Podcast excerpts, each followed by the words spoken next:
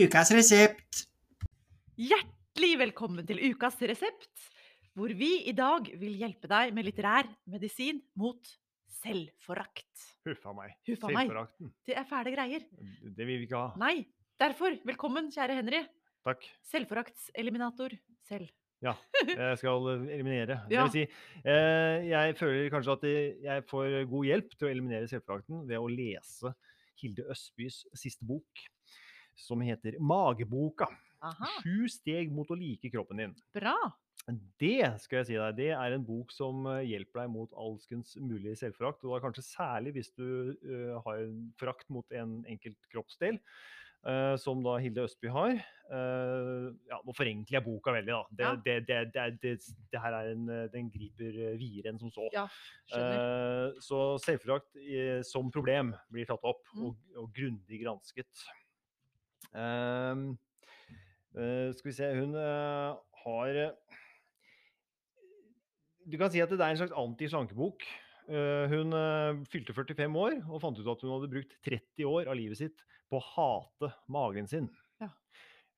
Hvorfor det, da? Ja. Det er ikke noen grunn til det. Nei. Og Hvor lenge skal hun fortsette? Skal hun fortsette til hun blir gammel? Skal hun fortsette helt til hun dør med å hate sin mage? Utrolig mye bortkasta tid. Veldig bortkasta. Uh, og du kan sette både i tittelen 'Mageboka. Sju steg mot å like kroppen din'. Altså, det er jo, du har jo en rekke bøker om kroppsdeler. eh, Liksom Ja. Skjermen med tarmen og hjernen er stjernen og det ene og det andre. Mm.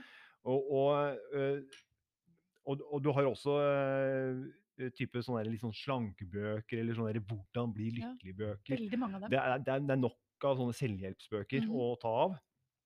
Eh, så både, både tittelen og liksom estetikken på boka er nok gjort litt for å tekkes kanskje de leserne som kanskje kunne finne på å liksom låne Berit Nordstrands sin siste sånn uh, ortoreksibok.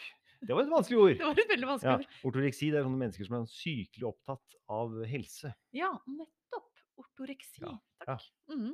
Uten at jeg skal påstå at Berit Nordstrand er det, da, Neida. for all del. Hun er sikkert uh, helt sunn og frisk. Ja. Kanskje litt ja. Jeg vet ikke, altså, Men- det, det er et eller annet måte. Ja, denne boka er en kur Ja. mot det også. Ikke sant? Eh, for hun analyserer eh, hvorfor selvforakten, hvorfor magehatet, hvorfor skal man være så opptatt av disse tingene. Ja. Eh, og hun er innom forskjellige fagfelt her. eh, nevrologi, psykologi, kulturhistorie. Og, og hun gjør også et dypdykk i sin egen historie. ja. Eh, og eh, det er dønn ærlig, altså. Hun, hun har traumer eh, Ja. i bakgrunnen i, i sin, sin historie, som, som, som hun deler med leseren. Uh, ja, ikke sant? For det er et paradoks at uh, Hilde Østby, da, som Mhm. en uh, klok uh, intellektuell, Ja.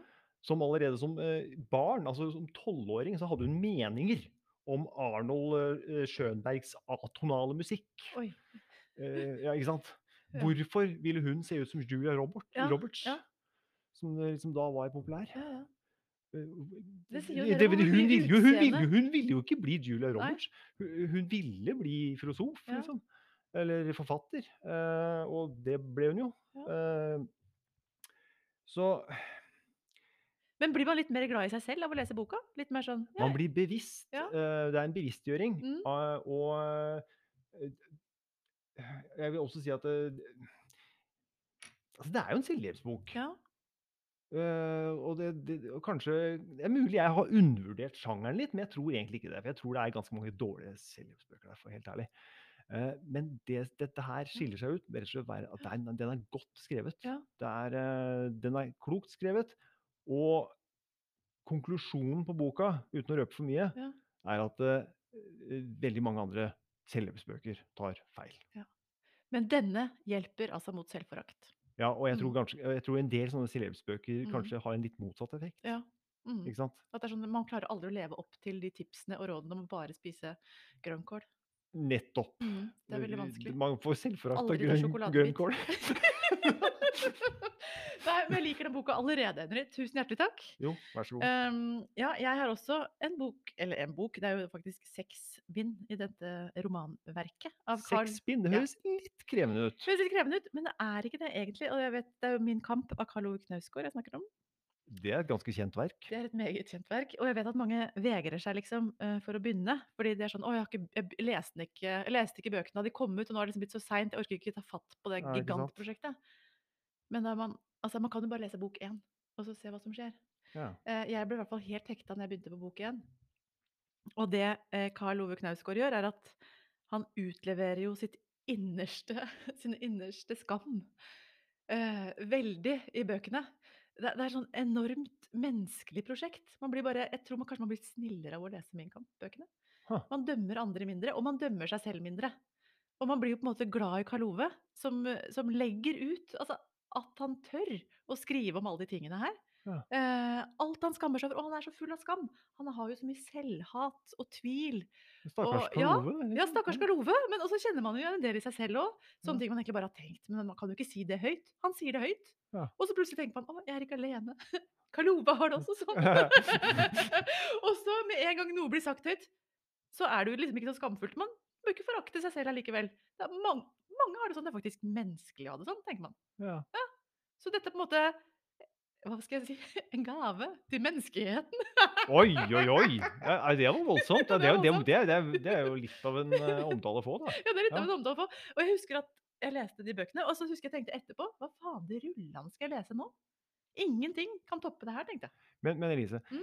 har, jeg bare tenker, Mm. det, det er jo en stund siden den første boka i den serien kom. Ja, Eh, Vil du si at det tålte tidens tann? ja, ja, altså nå har jeg jo ikke lest den på nytt, men det er jeg helt sikker på, for det er, sånn, det er jo allmennmenneskelig.